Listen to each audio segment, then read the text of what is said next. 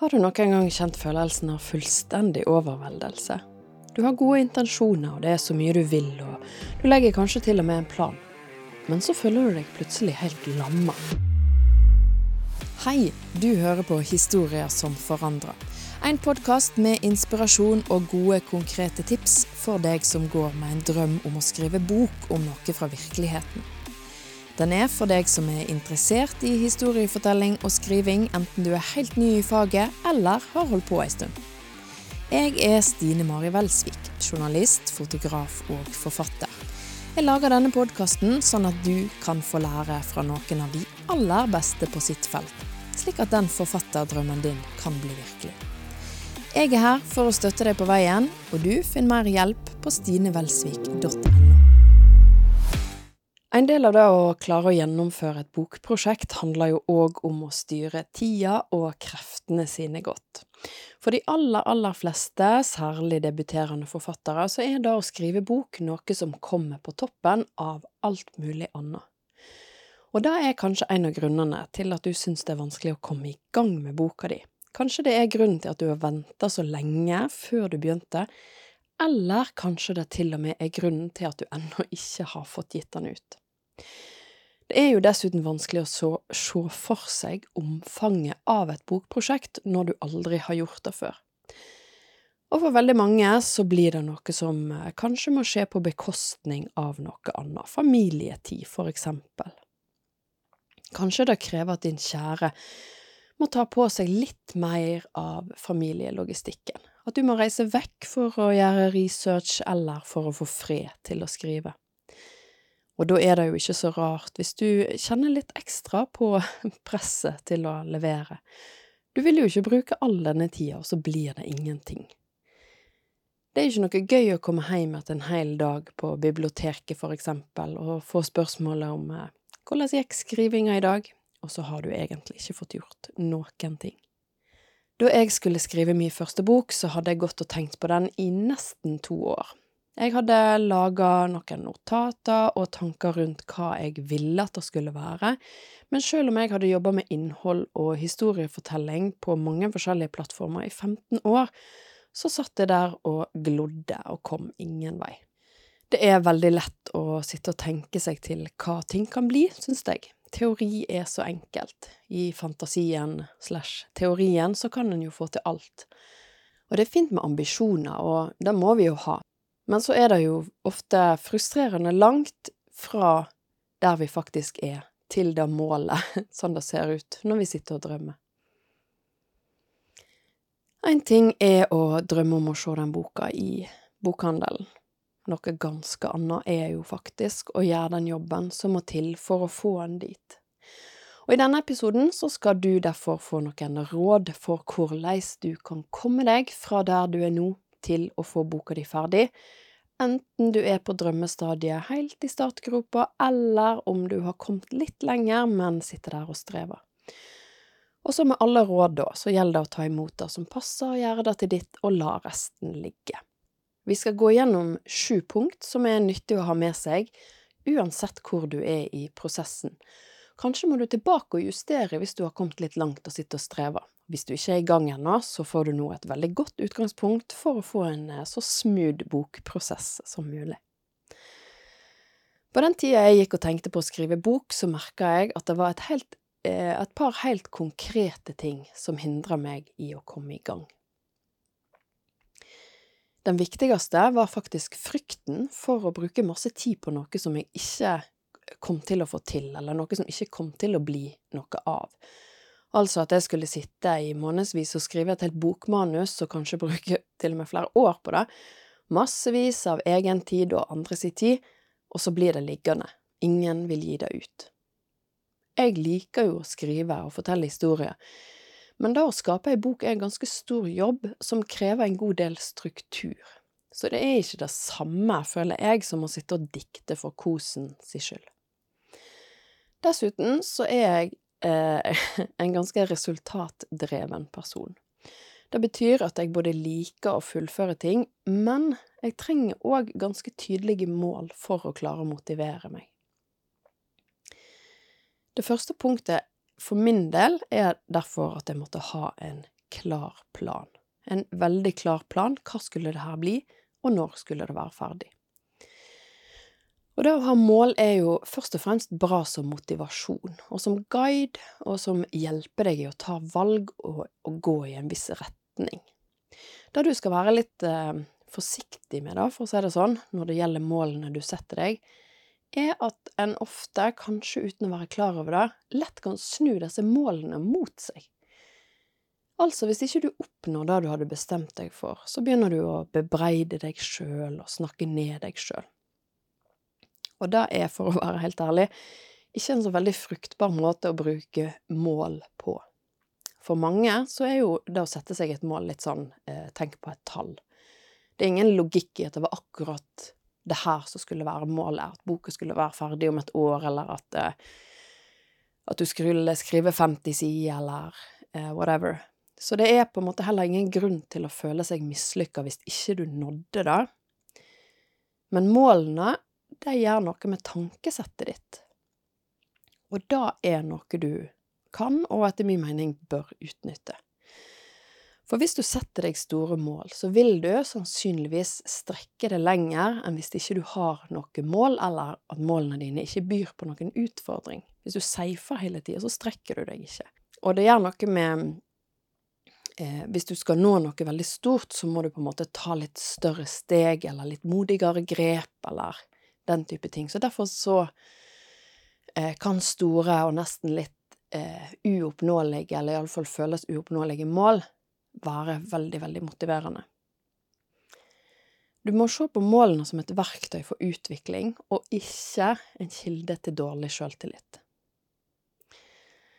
Og akkurat det her med mål er jo en av hovedgrunnene til at dette kurset som jeg har, femstegsmodellen, er veldig, veldig effektivt. Du utvikler veldig tydelige målsetninger for prosjektet ditt, og da tar oss til punkt nummer to.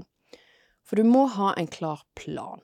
Du har et mål, og så må du ha en klar plan for hvordan du skal oppnå det her. Det vet du òg hvis du har fulgt femstegsmodellen.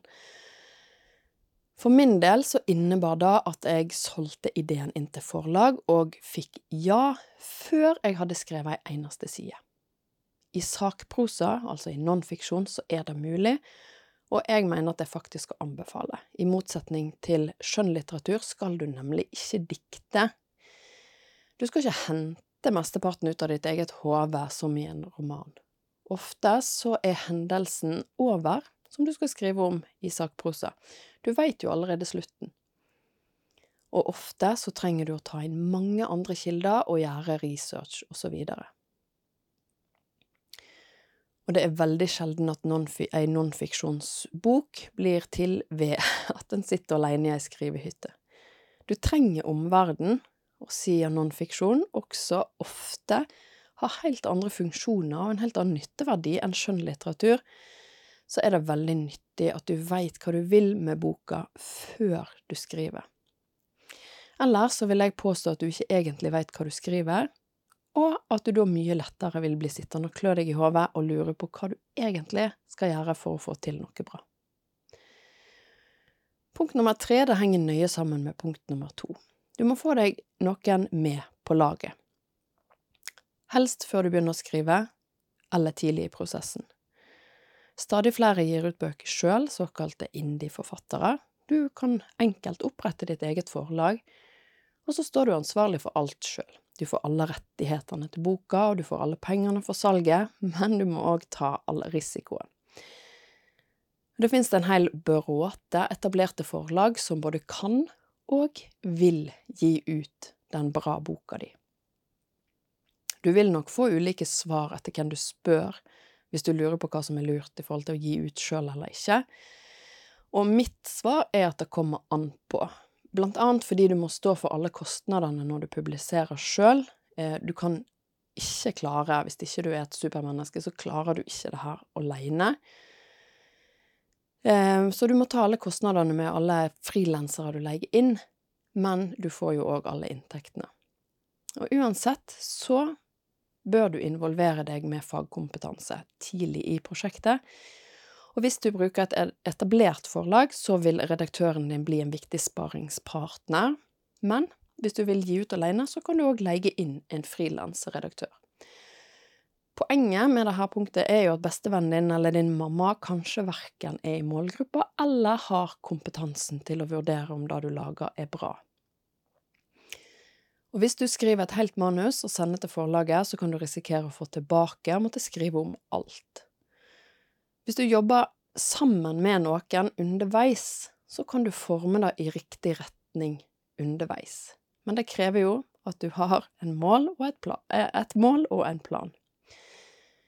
Og det er utrolig mye lettere å jobbe på denne måten, spesielt med non-fiction. Selv om forlaget er med, er det likevel ditt verk, og det er du som har siste ord.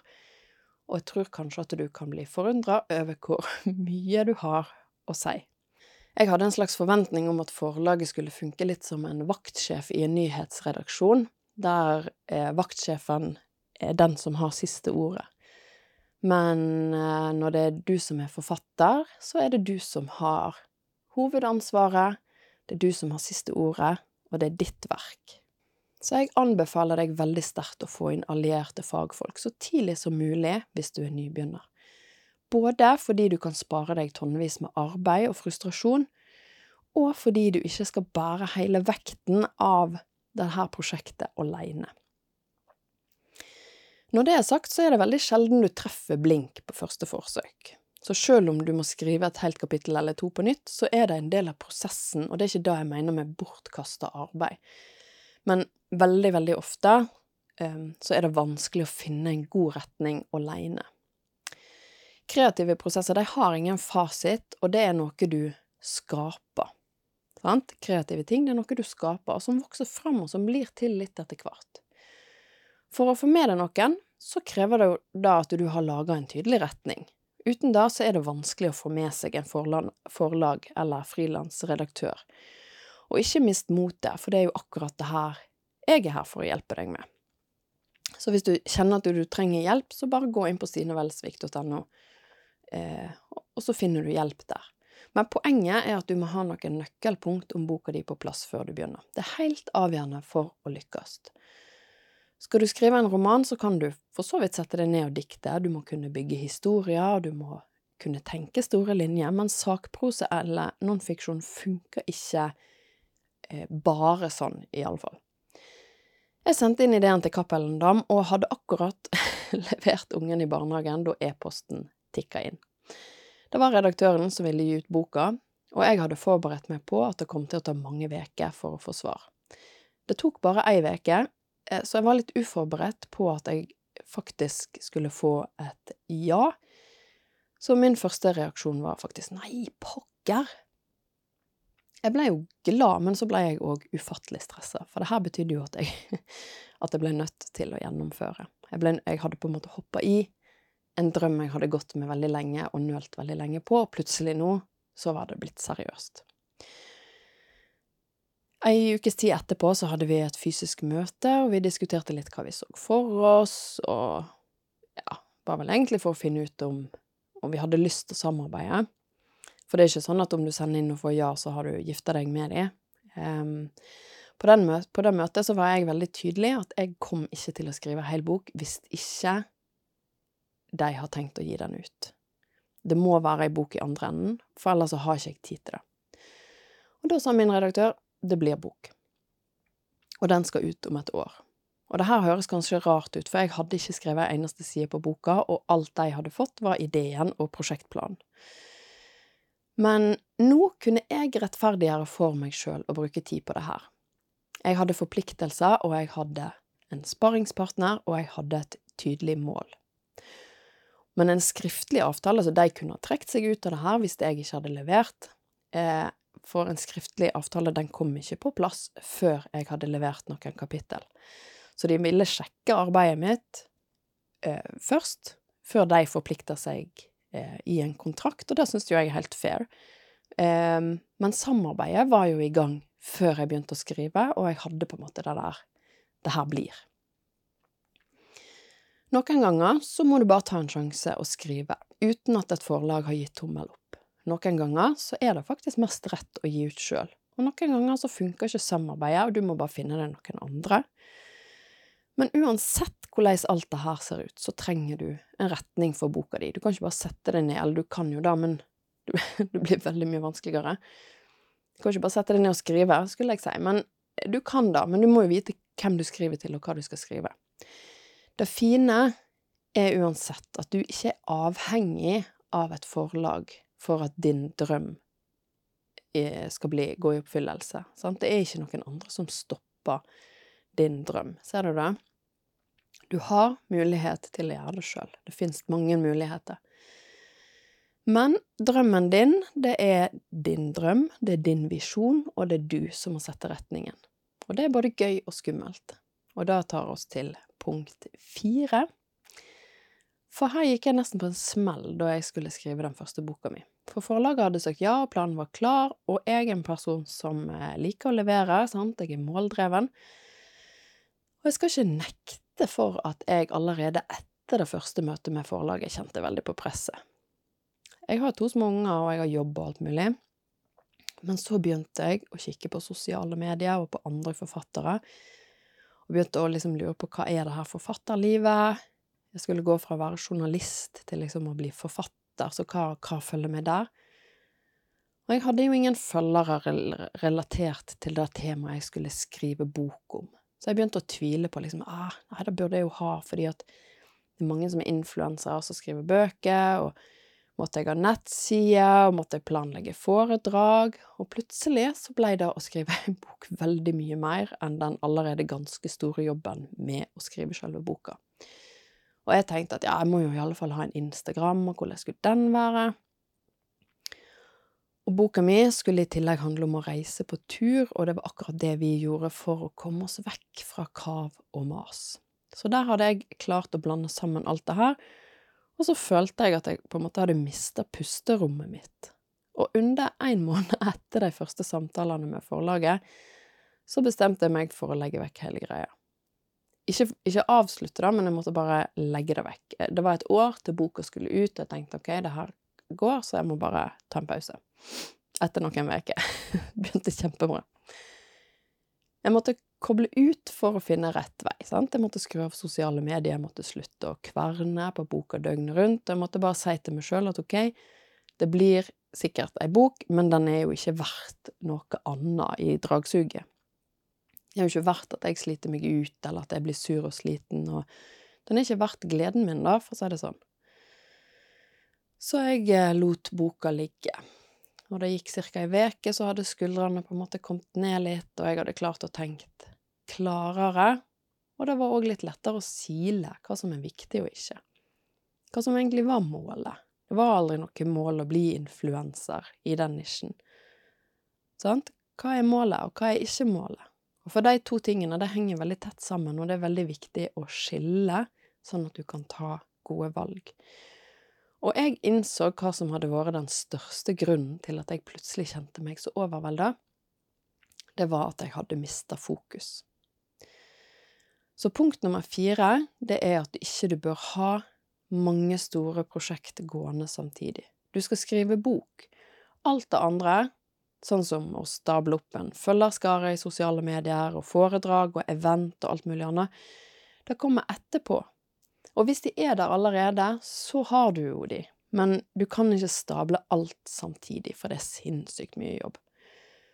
Og de aller fleste av oss klarer ikke alt samtidig. Særlig ikke hvis det kommer på toppen av andre forpliktelser, som ei bok ofte gjør. Og det å skrive ei bok medfører ofte ganske mye tankearbeid som ikke skjer ved skrivebordet. Vi veit jo at uh, multitasking det er ikke en god ting, for det fører til at mindre blir gjort, og at resultatene blir dårligere. Og det gjelder jo her òg, og min erfaring med det her, og mange andre større prosjekt, er at når det er mentalt krevende, så er det nyttig å skape et mentalt rom og ro til å la det jobbe. For underbevisstheten din er ei veldig sterk kraft, på godt og vondt. Og når du lesser på med for mye, så får du overload. Min erfaring er at kreativiteten går ned, og fokuset blir dårligere, stresset blir større, og du kan risikere med å ende med å føle deg handlingslamma. Når jeg innså det her, så tok jeg noen valg og nødvendige grep. Jeg hadde forplikta meg til å levere, og drømmen den var i ferd med å bli virkelighet, men det krevde òg at jeg faktisk måtte gå fra å tenke på det til å utføre oppgavene som kreves for å komme i mål. Altså gå fra tanke til handling. Så enkelt og så vanskelig. Så jeg la vekk alt som ikke hasta, alt som ikke var nødvendig, alt som stjal energi og fokus, og så holder jeg boka helt framme i bevisstheten. Og en ting som er bra med det, særlig når du er litt pressa på tid, sånn som jeg var, er at du kan få gjort en god del ting på trilletur, når du lager middag og mens du venter på bussen. Altså i tankene. Sånn at når du har tid til å sette deg ned og jobbe ved dataen, så er du mentalt innstilt på den frekvensen, og du kan bruke arbeidstida mye mer effektivt enn om du har tusen tanker i hodet og mange viktige oppgaver som ligger og kverner. Jeg er klar over at kanskje ikke din hjerne fungerer som min, og at du kanskje har ting som du må fokusere på, og som tar en del kapasitet. Men jeg anbefaler deg å rydde så godt du kan, og i episode fem i podkasten så snakker jeg om det her med å finne tid. Den kan være ganske god hjelp hvis du syns at det framstår helt umulig. Jeg har oppdaga at det er mye styrke i å innse begrensningene mine, både i tid og kapasitet. For det betyr at jeg jobber med det som er, altså det jeg har, framfor å gå og ønske at jeg hadde noe annet eller noe mer, eller å jobbe ut ifra det jeg tror andre forventer av meg. Og for min del så er det en veldig viktig nøkkel for å unngå overveldelse og eh, dermed klare å fokusere på det som er viktig, for det er når jeg blir overvelda at jeg føler meg lamma. En viktig nøkkel for å unngå overveldelse er jo derfor å fokusere på det som er viktig, og klare å skille mellom det og det som egentlig ikke er så veldig viktig akkurat nå. Det er kanskje viktig seinere, men det er ikke viktig akkurat nå. Det er ikke Du har ikke kommet dit i prosessen ennå, for eksempel å tenke på foredrag. Og det tar oss videre til punkt nummer fem, og det er å ha en klar plan for hver enkelt arbeidsøkt. Uansett hvor mye eller lite tid du har til rådighet, så får du mest ut av den tida hvis du allerede veit hva du skal bruke henne til. Du kan planlegge veke for veke eller måned for måned eller daglig, men uansett hvordan du gjør det, så må du vite hva du skal jobbe med før du setter deg ned. Og det er også viktig å være realistisk, det er ikke for den enkelte økta du skal sette deg store mål. De store målene kan være i det store bildet, hvis du skjønner. Hvis du har to timer til rådighet, så er det gjerne nok til et intervju og transkribering av intervjuet.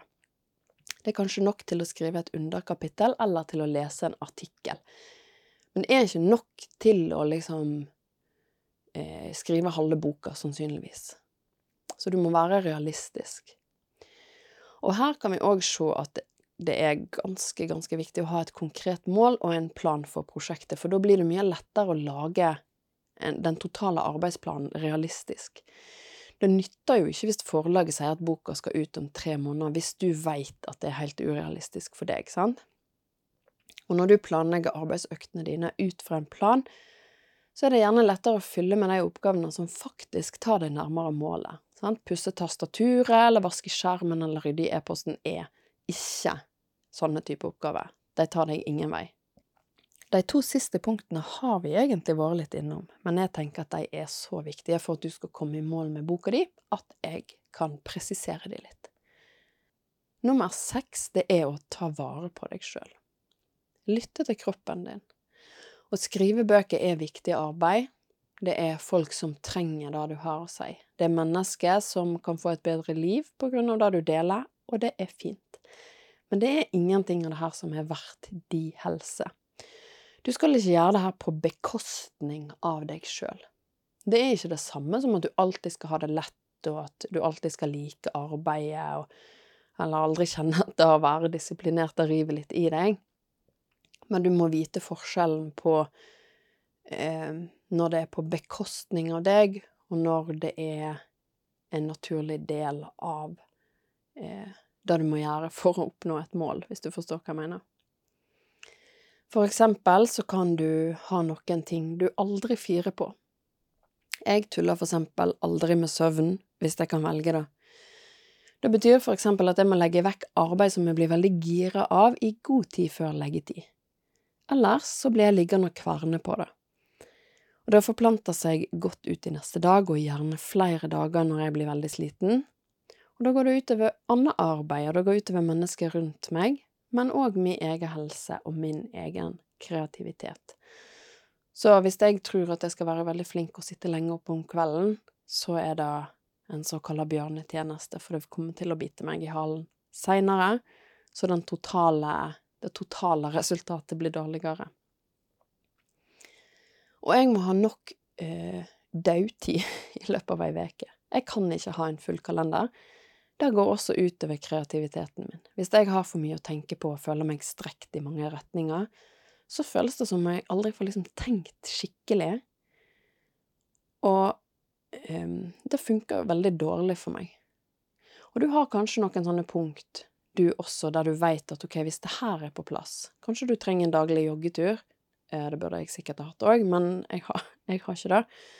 Kan hende du har det. Og du må ha Og, og de her bør du på en måte verne om som litt sånn hellige ting i livet ditt. At du, du passer på det fordi du veit at resultatene eh, av å fire på disse kravene blir dårligere for deg og alle rundt, eller du vet at hvis du gjør det, så går alt mye bedre. Hvis ikke du vet hva punkt du, du bør eh, være obs på for å ta vare på deg sjøl, så er det verdt å bruke litt tid på å finne det ut. Lag deg en to, tre, fire punkt som hjelper deg til å ha det bra, samtidig som du klarer å levere på de forpliktelsene du har. Og det siste, det er å unngå å sette deg sjøl i en pressa situasjon. Det har jeg med fordi at eh, kreativitet og stress, det funker i veldig mange tilfeller ganske dårlig sammen. Kanskje du sier at ja, men jeg liker jo å jobbe under press, og det gjør jeg òg. Jeg har jobba mesteparten av mitt yrkesliv i en sinnssykt travel nyhetsredaksjon. Men den djupe kreativiteten, den som lar deg skape, komme på det unike, og den som trenger litt tid på å tørre å vise seg, hvis du skjønner hva jeg mener, den krever at du har tid til den. Det er kanskje litt svevende, men det å skape noe, det krever at du tør å være litt stille, at du våger å lytte litt innover. Og det er vanskelig når du er i en situasjon der du må levere veldig kjapt. Så de to tingene er ikke de samme. Du kan være veldig kreativ og jobbe i et team, og det kan gå superkjapt, men da vil du alltid være litt på overflaten. Så når du skal skrive ei bok, så vil jeg eh, si at det er lurt å unngå å sette seg i en pressa situasjon. Og helt konkret så betyr det eksempel at du med fordel kan unngå skippertak. At du kan ligge litt framfor skjemaet. At du ikke går i perfeksjonismefella og at du ikke Eller og at du holder av nok mental kapasitet til boka di, sånn som vi snakket om tidligere. Uh, ok, det var sju tips som du kan bruke til å navigere gjennom et bokprosjekt, og du kan bruke dem til å se for deg litt hva du har i vente hvis du er helt eh, ny i gamet. Det er vanskelig å anslå hvor lang tid det tar å skrive ei bok. Noen bruker to måneder, noen bruker sju år fordi det er mye research, eksempel. For mange nonfiksjonsbøker så er ikke selve skrivinga ofte det mest tidkrevende, men det er arbeidet med researchen, de andre kildene, og da lage en god struktur for å få til gode fortellinger. Det viktigste jeg vil at du skal ta med deg fra denne episoden, er at du må ha en plan og et mål før du begynner, og at du må ta vare på deg sjøl underveis. Du får det til uten å gå på kompromiss med deg sjøl og det du trenger. Gå til stinevelsvik.no for å få hjelp hvis du trenger det, og for å finne ut mer om femstegsmodellen som jeg nevnte. Det er et e-postkurs som du har for alltid, og du kan bruke det til alle dine nonfiksjonsbokprosjekt. Takk for at du hørte på.